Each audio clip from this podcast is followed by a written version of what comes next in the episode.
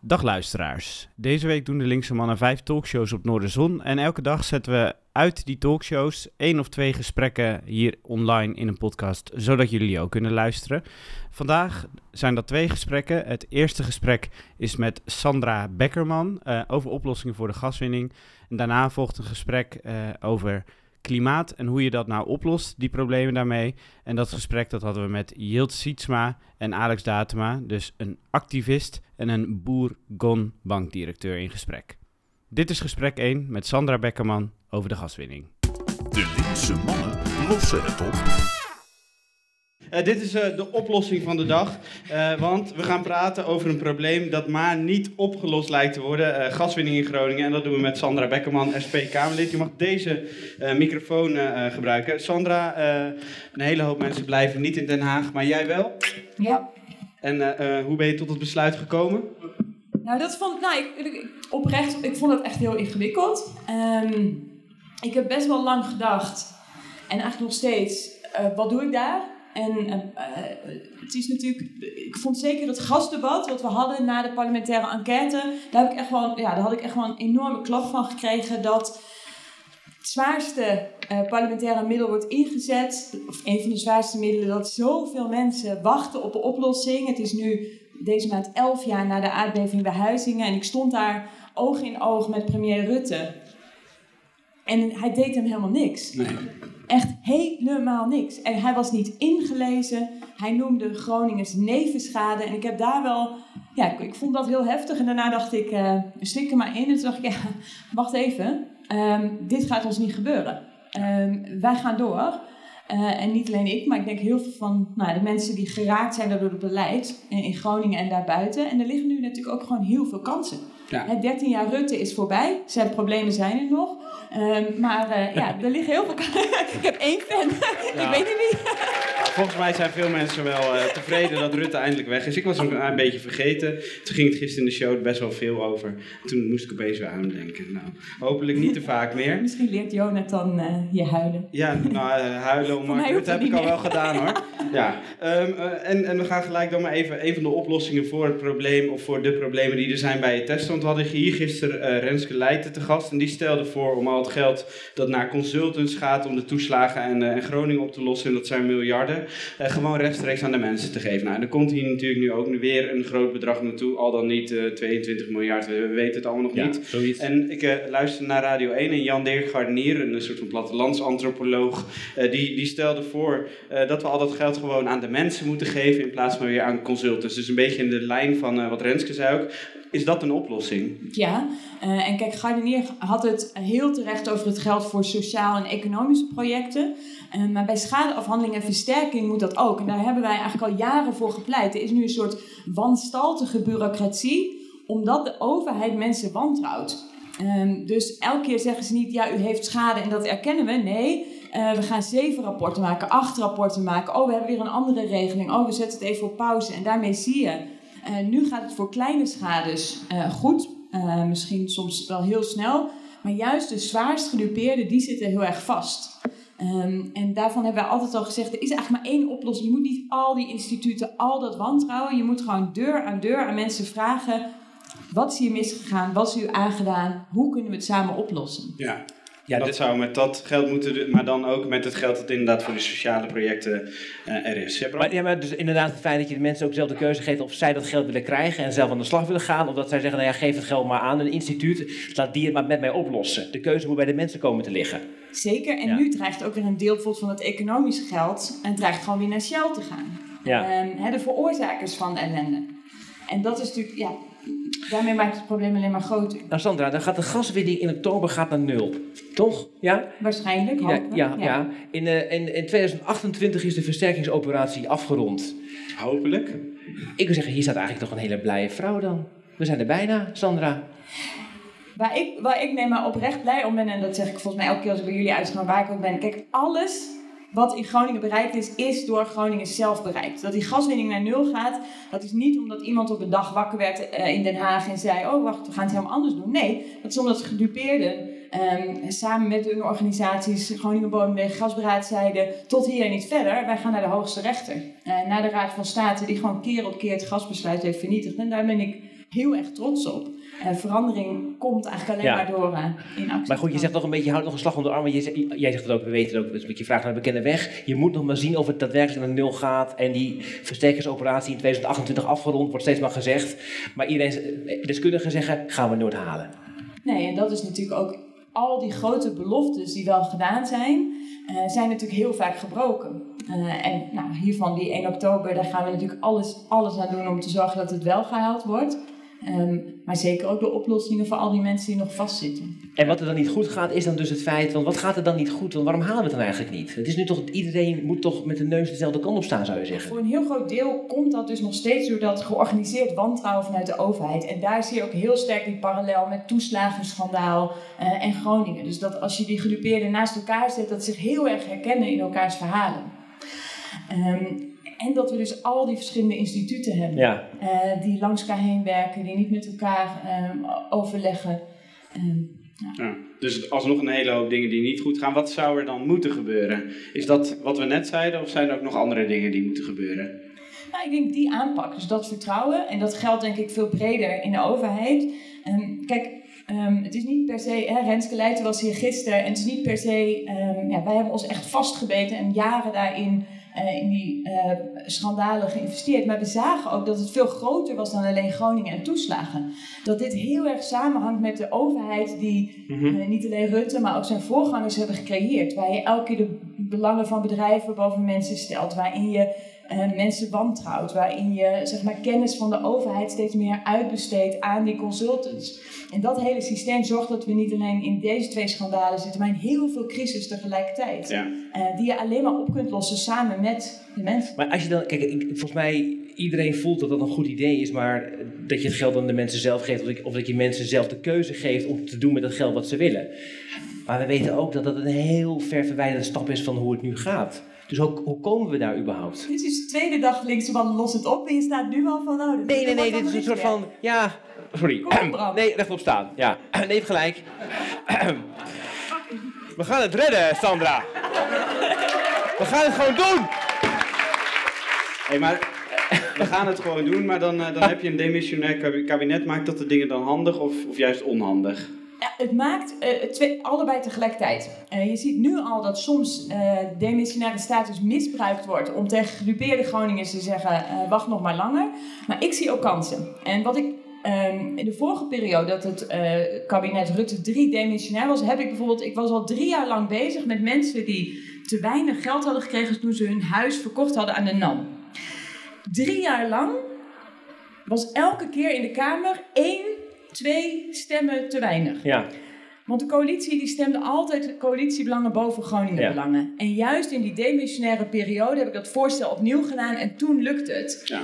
Ehm, en dat, zo'n soort omdat voorstel... mensen dan vanuit hun hart mogen stemmen en niet meer in die coalitiedwang Zo zitten. cynisch is dat Ja. wel. En dat is natuurlijk een heel groot probleem. Maar ik hoop dat dat opnieuw, dat die ruimte er is. Oké, en wat ga je dan doen nu, nu, nu je die ruimte misschien ervaart en voelt? Nou, een van de voorstellen die ik al heel lang graag wil doen, eh, is, en daar wil Veilbrief, de staatssecretaris van gaswinning of van Groningen, die wil dat niet. Die wil niet bij al die regelingen, zijn nu heel veel mooie, ook nieuwe regelingen, maar heel veel zijn niet met terugwerkende kracht. En dat betekent dat mensen die eerder te weinig kregen, nu geen recht hebben vaak op eh, die nieuwe regelingen. Ja. En dat is zo'n voorstel wat ik nu heel graag wil doen.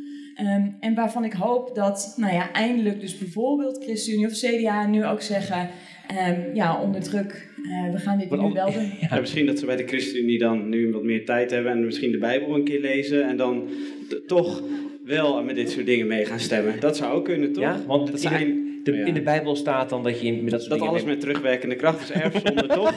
Dus wat dat betreft. Ja, daarom is de linkse mannen en niet linkse vrouwen.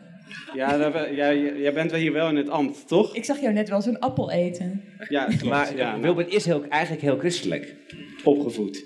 Oh, Nou, dat kan ik niet oplossen. Doe nog nee. maar. Dit We gaan door. op te lossen. Ehm, Jij hebt nog een laatste Ja, vraag, nou, die SP. Ik bedoel, kijk, we hebben, dit is een soort van SP-programma af en toe. We hebben, denk ik, nog, eh, van de, van de SP'ers zijn te vaak, eh, het vaakst te gast in de linkse mannen. Ehm, eh, strijden tegen de, tegen de marktwerking in de zorg, tegen de woningmarkt. Eh, een van de Wacht front, op de komma, de maar. een van de frontvrouwen, hè, de bepleiters van, van Groningen. Renske Leijten, een van de bepleiters van de toeslagenouders. En verkiezing na verkiezing verliest de SP. Ik snap er geen reet van. Oh, Ik vond dit item gisteren over FC Groningen die steeds verloor nog grappig. Maar Ja. nu is het wat Maar hoe- ingewikkelder. Nu wordt het opeens heel persoonlijk. Maar hoe, Ja. ik, hoe kan dat nou? Ja, Ligt het aan ons? ja, nou, Wie stemt er hier SP? Wie stemt er hier geen SP? Oké. En waarom stemt u geen SP?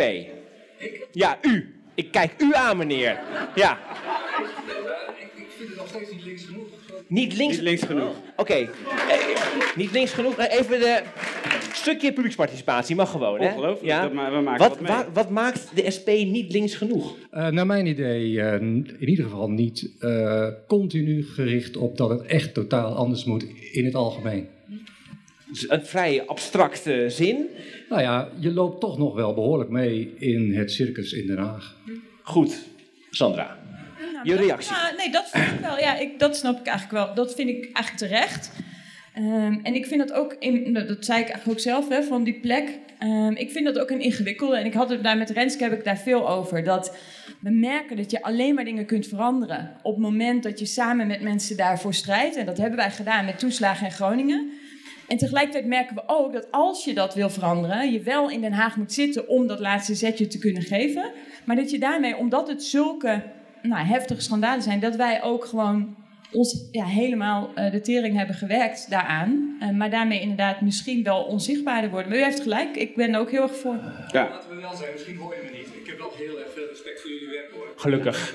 Nee, gelukkig. Dus er is wel respect. Ah, maar mocht, Wat een warmte ervaar je nou toch, hè? Ja, heel maar fijn. mocht eh, een van u dus twijfelen eh, eh, om misschien toch op de SP Ja. te gaan stemmen, dan misschien na de show even met eh, Sandra Ja. een biertje eh, drinken, dan legt ze het allemaal aan jullie uit. Eh dankjewel voor Ik je heb muntjes oplossing. gekregen, Jij hebt dus- muntjes.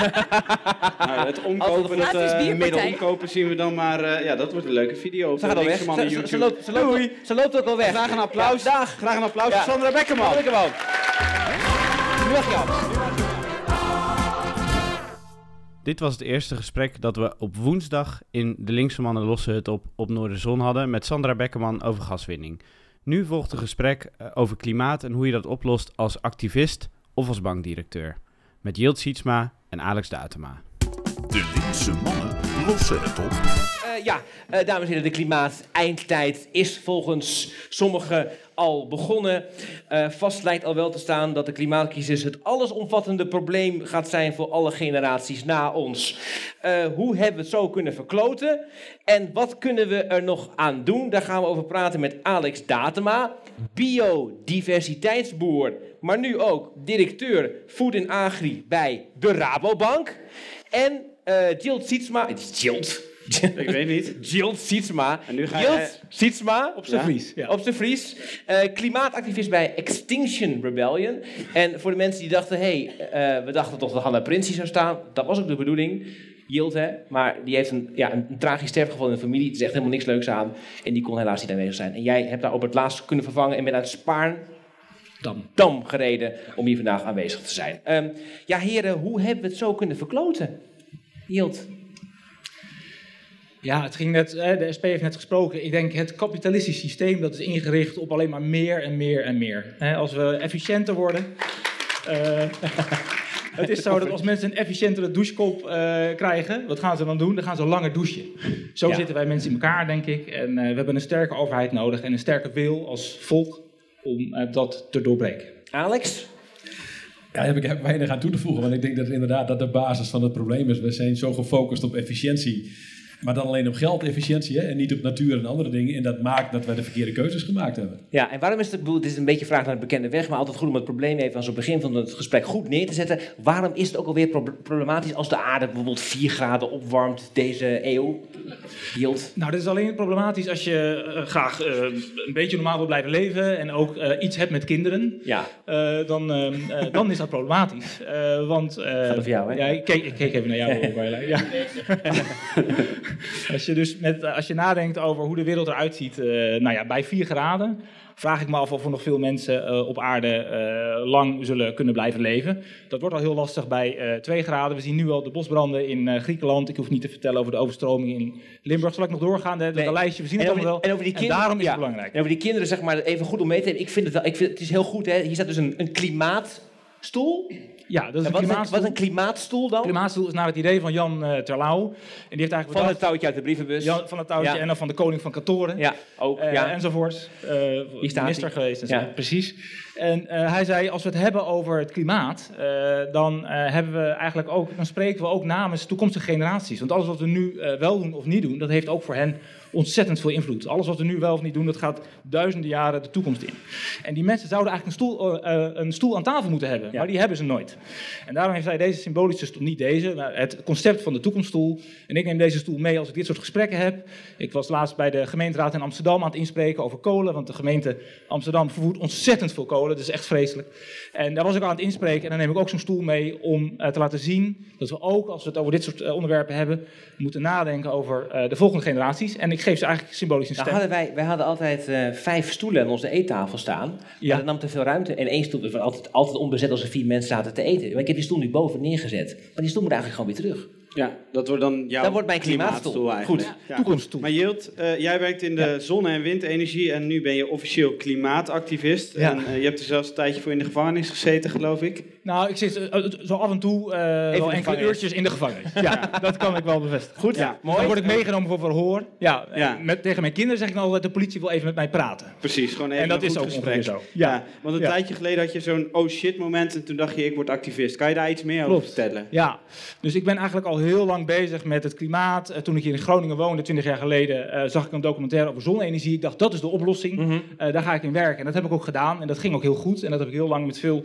energie gedaan. Maar ik begon mij steeds meer zorgen te maken. Want ik zie dat we steeds meer afwijken van wat we eigenlijk moeten doen om de aarde leefbaar te houden. En dat bouwde zich eigenlijk op totdat ik vier jaar geleden in Luxemburg op vakantie was met mijn gezin. En er was toen een hittegolf aan de gang. Het was 43 graden buiten. En ik zat in mijn elektrische auto aan een laadpaal, zodat we de airco aan konden hebben. En ik keek naar achteren en ik zag mijn kinderen op de achterbank. En ik dacht, hoe zou het zijn als jullie straks volwassen zijn? Dat dacht ik toen. En toen eh, knapte er iets bij mij. En dat was eigenlijk het begin van mijn activisme, omdat ik dacht, ik kan wel zonnepanelen blijven bij je plaatsen, ik kan vegetarisch eten, ik kan eh, van alles doen, eh, de douchekop nemen.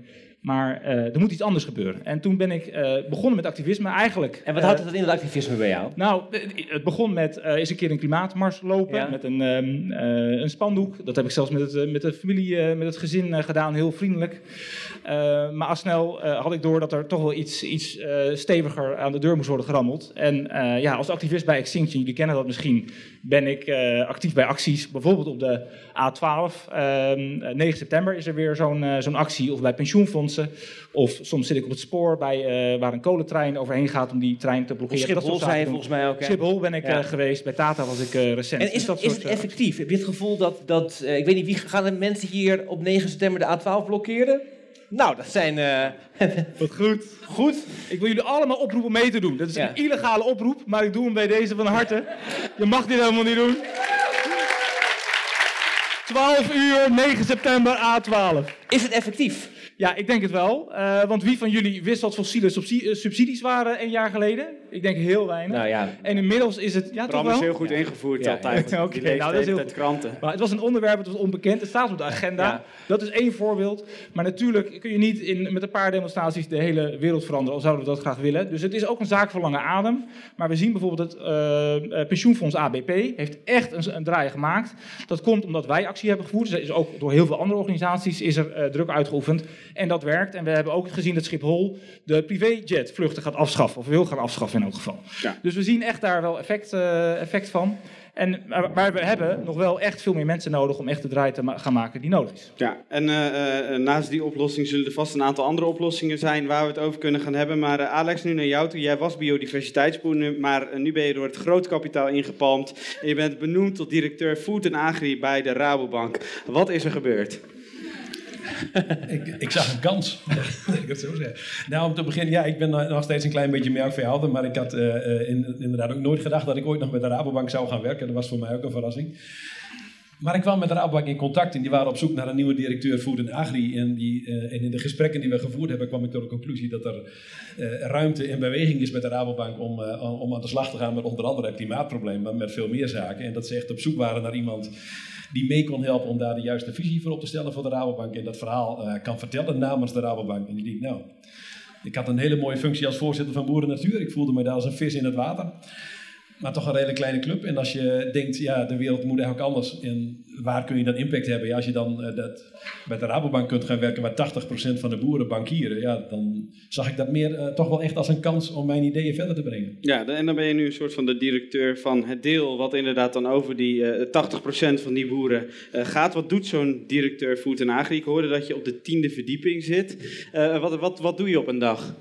Wat ik doe op een dag. eh, vooral heel veel vergaderen op het moment, heel veel kennismaking nog steeds. Ik ben op 1 mei begonnen, maar er zijn nog steeds afdelingen van de Rabobank die, eh, waar ik nooit van gehoord heb, die met mij willen kennismaken. Eh, en vooral is het op dit moment zitten we nog heel erg in de fase dat we een, een visie en een beleid aan het uitwerken zijn over hoe wij kijken naar de, naar de landbouw in 2040. En wat de rol van de Rabobank je is om daar ja, te komen. rijkelijk laat. Toch, Alex? Ja, Ja, ja, daar kun jij niks aan doen, maar jij komt er nu. Gaan ze nu een visiebeleid ontwikkelen? Wat hebben ze gedaan de afgelopen decennia dan? Volgens mij zijn ze daar al heel lang mee bezig. Maar de hele wereld en de context rondom al dat soort problemen... die verandert dusdanig dat je dat regelmatig moet doen. Hè? Dus een paar jaar terug had de Rabobank ook echt wel een visie. Maar nu is het wel de bedoeling om daar een wat eh, grotere stap in te zetten. Kijken van, ja, maar wat willen wij... Wat zien we veranderen, maar ook wat willen wij zelf? En is die urgentie er ook? Is er, is er klimaaturgentie bij de Rabobank?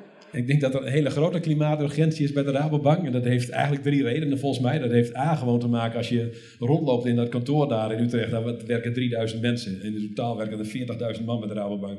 Dan is dat echt een dwarsdoorsnede van de, van de samenleving.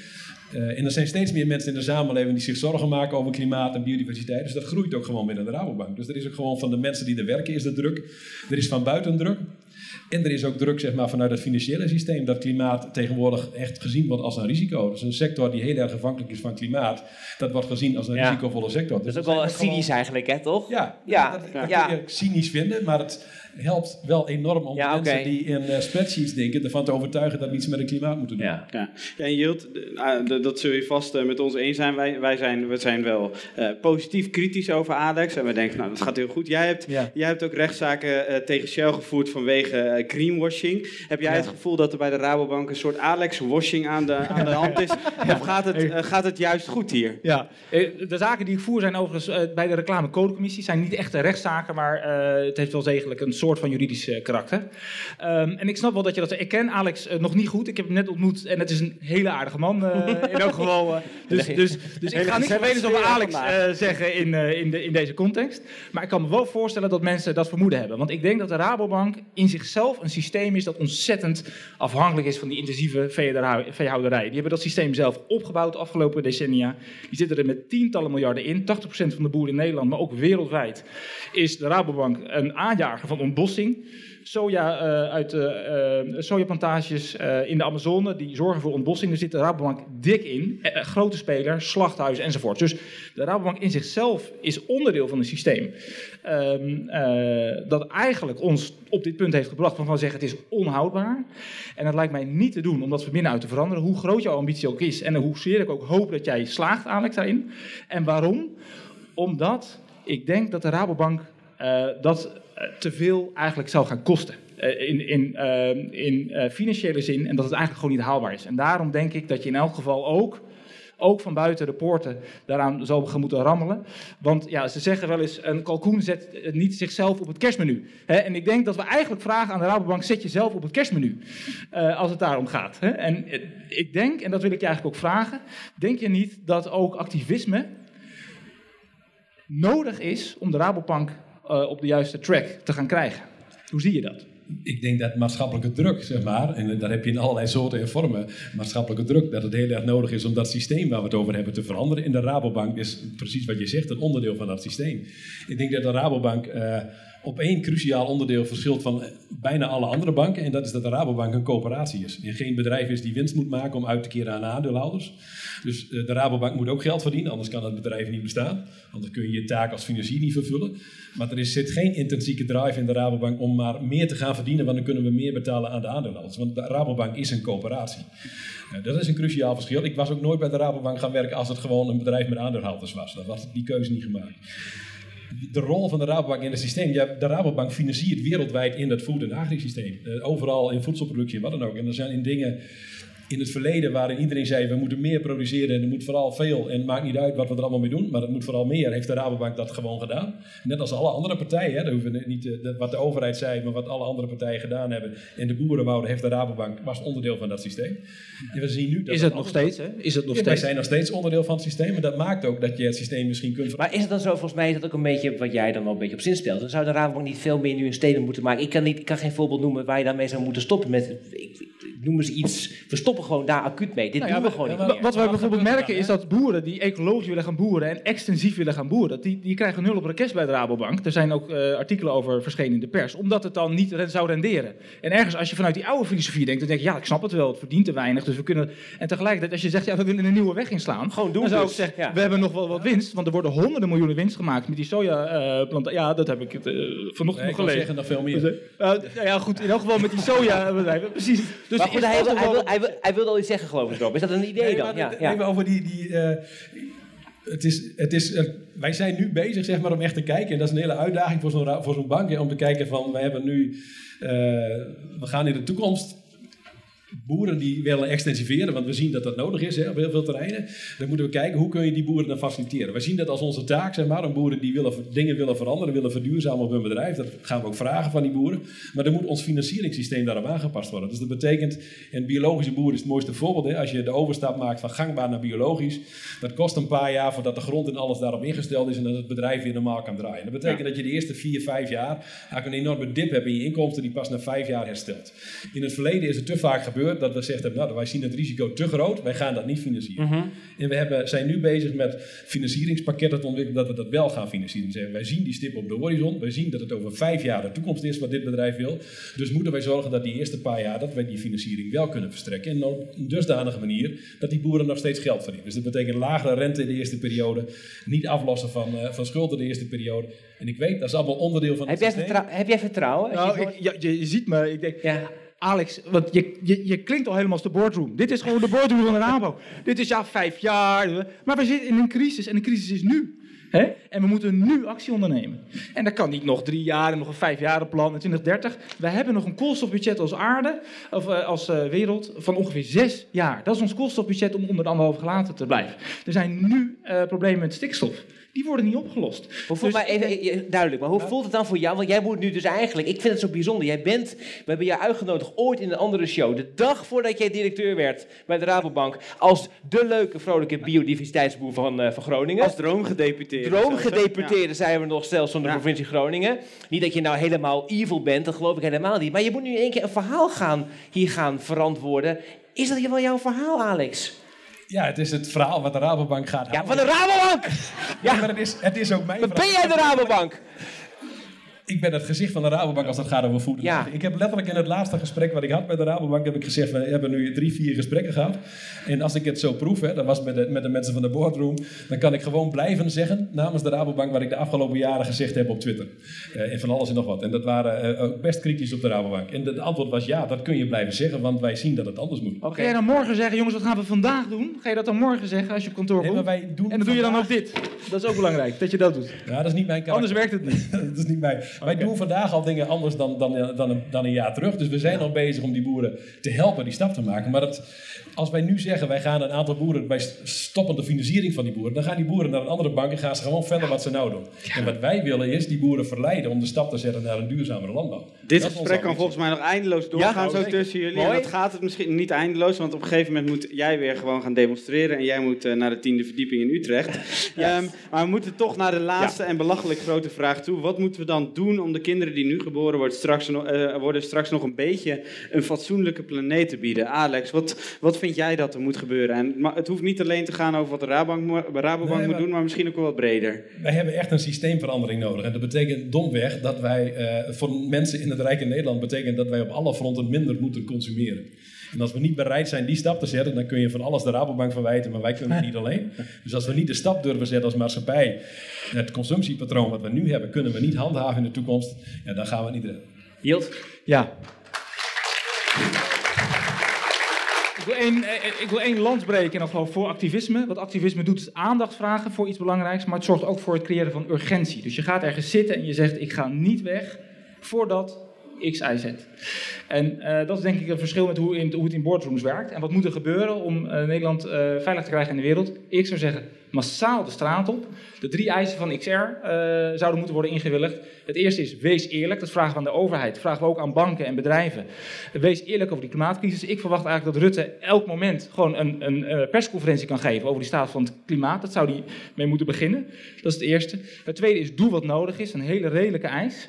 Laten we ons gewoon voegen naar wat de aarde ons kan geven. En het derde is, het laatste is, organiseer een burgerberaad, zodat burgers samen kunnen besluiten hoe we de problemen die voor ons liggen eerlijk gaan oplossen. Goed, eh, dankjewel Alex en Jilt. Dank je.